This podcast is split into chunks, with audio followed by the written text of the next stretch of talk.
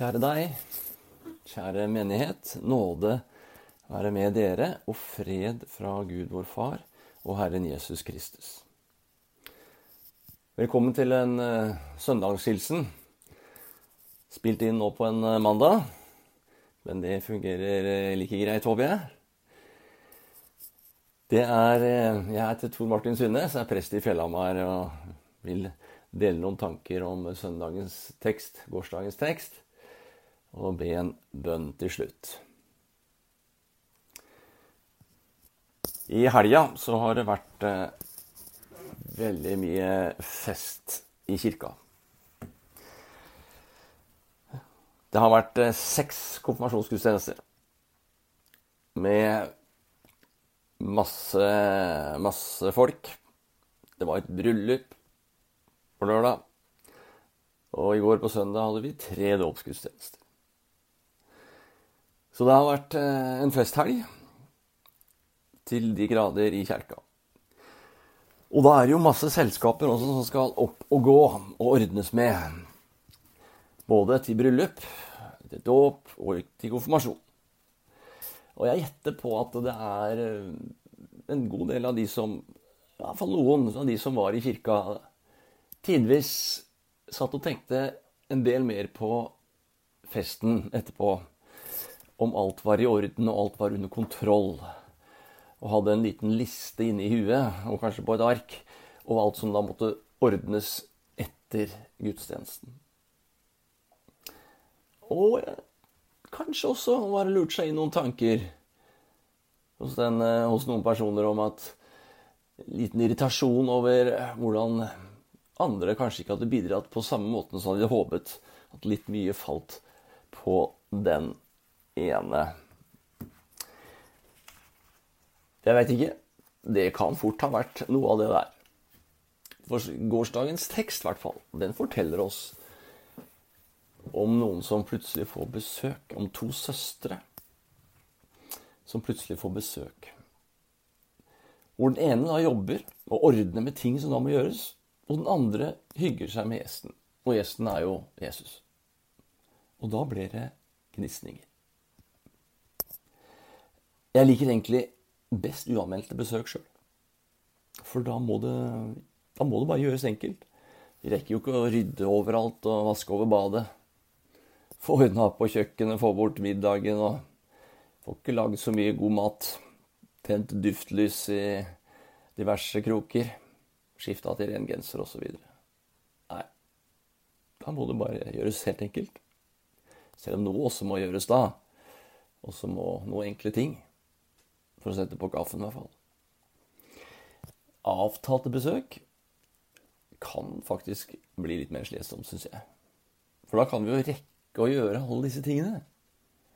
Og da kan vi også rekke å få en diskusjon og bli uenige om hvor mange av disse tingene vi må gjøre, og hvor nøye. Og så en diskusjon om hvor slitsomt kontra hyggelig skal vi gjøre det å få invitere på besøk. Det er mulig dette er helt ukjent. Men å ha gjester, det kan også by på noen konflikter. Sånn er jo livet. Men la oss nå høre teksten om de to søstrene som fikk besøk av Jesus. Da de dro videre, kom Jesus til en landsby. Det er en kvinne som het Martha, tok imot ham i huset sitt. Hun hadde en søster som het Maria, og Maria satte seg ned ved Herrens føtter og lyttet til hans ord. Men Martha var travelt opptatt med alt som skulle stelles i stand. Hun kom bort til dem og sa, Herre, bryr du deg ikke om at min søster lar meg gjøre alt arbeidet alene? Si til henne at hun skal hjelpe meg. Men Herren svarte henne, Martha, Martha, du gjør deg strev og uro med mange ting, men ett er nødvendig. Maria har valgt den gode del, og den skal ikke tas fra henne. Dette sto i Lukas evangeliet kapittel 10. Jeg tror eh, at dette var et besøk som ikke var avtalt på forhånd.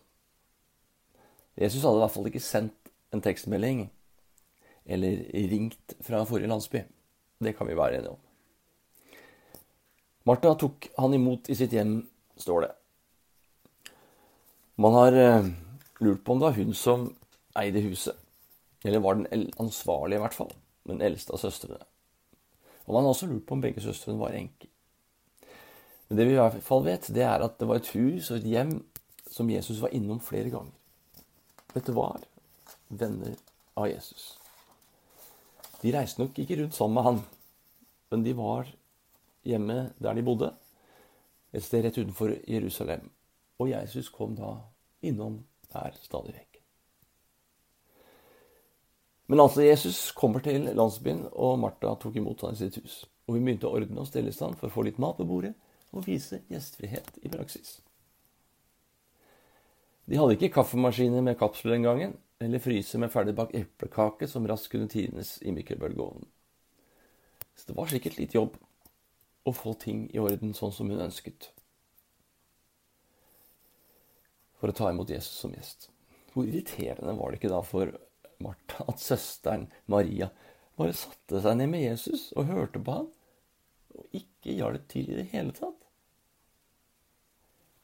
Og for den saks skyld, det kan være kanskje ikke første gang hun hadde gjort det. Det var Maria hadde en tendens til å gjøre det. Det var Martha som ble den som måtte ta jobben. Martha hadde sikkert også lyst til å høre hva Jesus, mesteren, hadde å si. Og nå fikk hun jo bare noen bruddstykker. Hvis Maria hadde hjulpet henne, kunne jobben vært kjappere gjort. Og hun også kunne fått sitte ned og hørt. Og snakket med Jesus. Ja, så irritert ble Martha at hun tok det opp med gjesten. Med Jesus. Eventuelle hint og kroppsspråk hadde ikke nådd inn til Maria. Så Martha hun valgte full konfesasjon på dette. Ja, hun til og med anklaget gjesten, Jesus, for ikke bry seg om at hun måtte gjøre jobben aleine. Og ba han si til søsteren at hun skal hjelpe henne. Oi, oi, oi, oi. Her er det god stemning. Hyggelig med besøk, dere. Jeg håper at Jesus forsto henne, Martha, og viste forståelse. Men hun fikk ikke støtte. Det var det Maria som fikk. Jesus sa, 'Martha, Martha, du gjør deg strev og uro med mange ting, men ett er nødvendig.' Maria har valgt den gode del, og den skal ikke tas fra henne. Jeg har lurt litt på hvordan resten av det besøket ble. Ble det litt dårlig stemning med en furten og litt såret Maria? med en påfølgende krangel med Maria når Jesus hadde dratt videre. Eller la Martha fra seg forkleet og satte seg ned sammen med Maria. Og så ble det en god prat med Jesus også for Martha. Det er typisk Lucas å sette litt sånne ulike typer opp mot hverandre. Litt provoserende på spissen. Martha er jo den aktive, praktiske duer. Maria kan fremstå som den tenkende, kontemplative lytteren. Og jeg vil som mange andre si at dette trengs ikke å settes opp mot hverandre. Begge deler trengs, og begge deler er viktige. Gjestfrihet er en høyt ansett dyd i Bibelen og i kirka. Og Martha utøvet jo gjestfrihet på sikkert beste vis.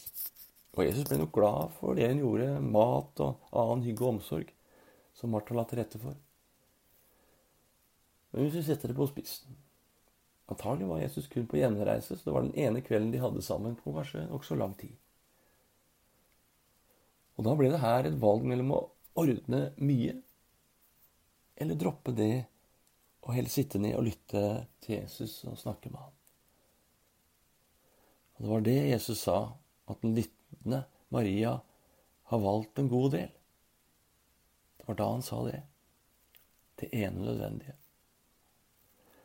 Selv den gode dyden gjestfrihet kan lede vekk fra det viktigste av og til. Jeg har lest at sann gjestfrihet fort kan handle mer om å Eller bør handle mer om å invitere enn å imponere. Men det var kanskje sagt av en mann. Ett er nødvendig, sa Jesus uten å nødvendigvis si direkte hva det var. Men indirekte så sa han det ved å si at Maria har valgt en god del. Hun som satte seg ned ved hans føtter og lyttet. Men det er mye mer som er nødvendig. Og hva som er nødvendig, det avhenger jo av, selvfølgelig av situasjonen. Hvis jeg hadde spurt en av de små dåpsbarna i går, så er det i hvert fall tre ting som er nødvendig. Det er jo mat, puppen, det er bleie og få sove. Og kanskje gulpe og rape litt òg. Men aller viktigst, kanskje Nei, det er mange ting som er viktige. Men veldig viktig er blikkontakt. Et ansikt å se inn i for den lille, lille babyen. Det er utrolig viktig for et spedbarn å få møte mammas og pappas øyne og få hvile i dem. Og her Det har jo vært en utfordring for foreldre, og en glede for foreldre, og en viktig oppgave for foreldre. Og noe vi så gjerne gjør. Men som har fått en, en, en utfordring, ny utfordring, med smarttelefoner. Med skjermene. Hviler vi blikket mer på den enn på barnet? Det var ikke noe smarttelefon når jeg hadde småbarn. Jeg kjenner at jeg er takknemlig for det. For jeg tror jeg hadde blitt frista oftere enn jeg ville til å sitte og glane i mobilen når det ikke skjer så veldig mye, enn istedenfor å ha mer blikkontakt med den lille. Fra jeg står opp om morgenen så har jeg som regel en drøy times tid hjemme før jeg må ut av døra. Alt har jo vært annerledes under koronatida, men under normale forhold når man skal på kontoret. Og under den timen så er det jo flere ting som er nødvendig, eller i hvert fall nyttig og godt å få gjort. Mat får en god del av tida, inkludert å få smurt seg en matpakke. Badet må jeg innom. Tror mammen mener at jeg av og til kunne gitt det litt mer av tida. Det kan være behov for å rydde eh, litt på kjøkkenet, siden en ikke orka det før en la seg kvelden før. Avisen er en god mulighet å bla gjennom. Høre litt på radioen er også en mulighet. Men det er også en mulighet å sette seg ned ved Jesu fetter. Og jeg tar som regel tid til det, litt mat for sjela, i løpet av den timen om morgenen før jeg tar litt mat på kroppen. Hva kan det være det å sitte ved Jesu føtter. For meg er det å lese noen vers i Bibelen og være stille og be. Noen ord fra den boka som forteller meg om tro og håp og kjærlighet fra Gud. Som viser meg hva nåde er, hva tilgivelse er. Som kan ta meg inn i kampen på liv og død som vi alle står i. Hun kan fortelle meg om rettferdighet, om godt og vondt og rett og galt. Om det viktige det er å ta seg av de svake og ta seg av skaperverket. Og den kan fortelle meg om Guds storhet. Så kan jeg få lytte til disse ordene og meditere litt over de. Noen er lette å forstå og ta til seg. Andre er ikke så enkle å få like mye ut av. Og så kan jeg uansett speile meg i ordene. Tro, håp og kjærlighet. Og ransake meg selv litt.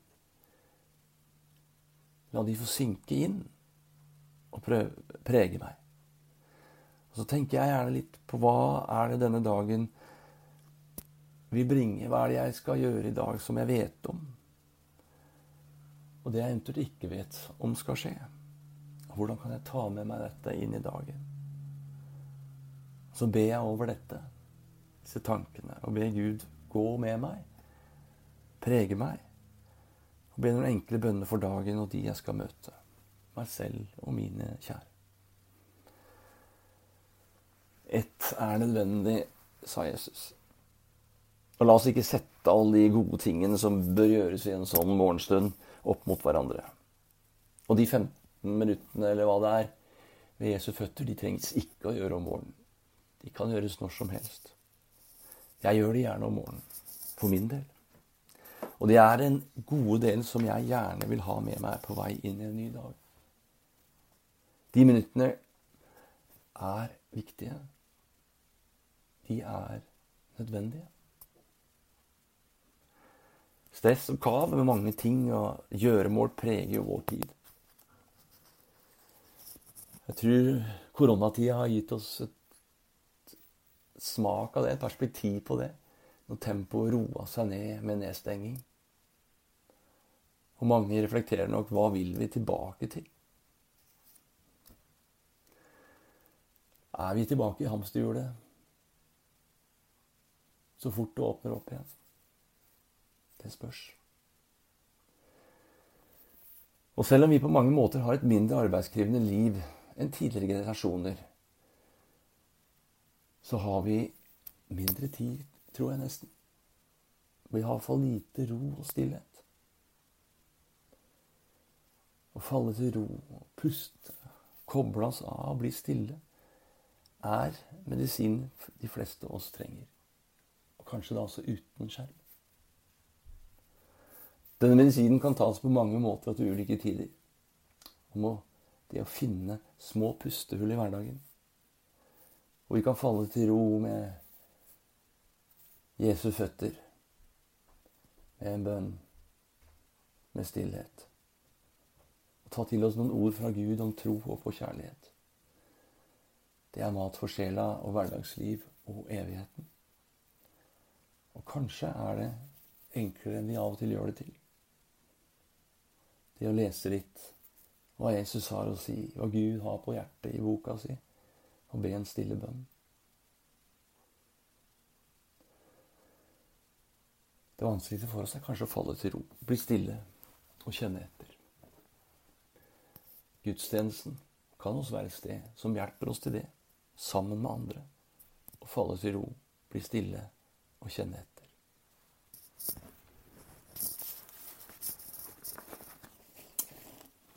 Er en fin salme som vi sang etter eh, preken i går. Som heter 'Bortom tid og rom og tanke'.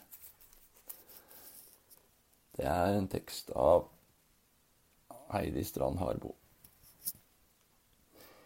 Den leser jeg til slutt. Bortom tid og rom og tanke fins ein stad der alt er annerledes. Fins en stad der alt er heilag, fins en stad der Kristus er. Nær min trøyte, redde tanke, nær min drøm, min lengt, min styrke. Nær mitt liv og alt jeg lever, det er godt å være der. Gjennom ørsmå hull i dagen får jeg venda mine tanker, ta et lite steg til sides, søkja Herren Han som er. Gjennom tause, mørke bøner, gjennom lott og gjennom jubel legger jeg fram for Herren Kristus alt det livet som jeg bærer.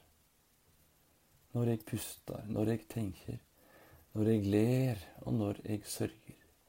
Finna ørsmå hull i dagen som gjør Kristus sterk og nær. Der jeg lever midt i livet, midt i verda, midt i dagen. bærer jeg med meg Kristi kjærleik. Det er lys og salt jeg er. Jesus, vær i mine dager, i alt liv som kommer imot meg. Vær i mine glade timer, mine skjelvende sekund. La meg leve sterkt og nakent, våga sjå og våga høyra. Våga leva midt i livet, våga trå på heilag grunn.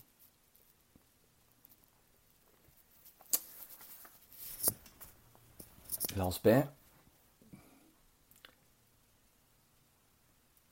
Far, takk for at du gjerne vil sitte ned sammen med oss.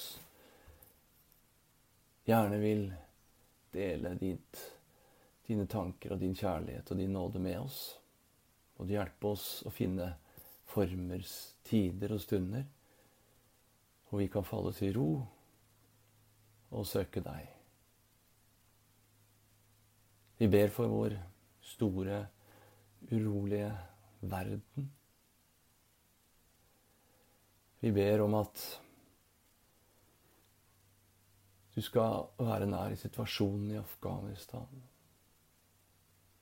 Alle som er redde, engstelige for hva livet nå vil innebære. For alle som er blitt skilt fra sin familie alle som har mistet noen. Vi ber deg for Afghanistans fremtid. Om fred, forståelse, at de sammen kan bygge et samfunn, et land det er godt å bo i for alle. La oss sammen be Herrens bønn. Vår Far, du som er i himmelen. La navnet ditt helliges. La riket ditt komme. La viljen din skje på jorden slik som i himmelen. Gi oss i dag vårt daglige brød, og tilgi oss vår skyld, slik også vi tilgir våre skyldnere. Og la oss ikke komme i fristelse, men frels oss fra det onde. For riket er ditt, og makten og æren i evighet. Amen. Ta imot velsignelsen. Herren velsigne deg og bevare deg. Herren la sitt ansikt lyse over deg og være deg nådig. Herren løfte sitt åsyn på deg og gi deg fred. Amen. Da ønsker jeg deg en god uke. Og eh, velkommen til gudstjenester i Fjellhamar kirke. Både klokka 11 og klokka 5 nå til søndag. Eller til å høre på oss her på podkasten.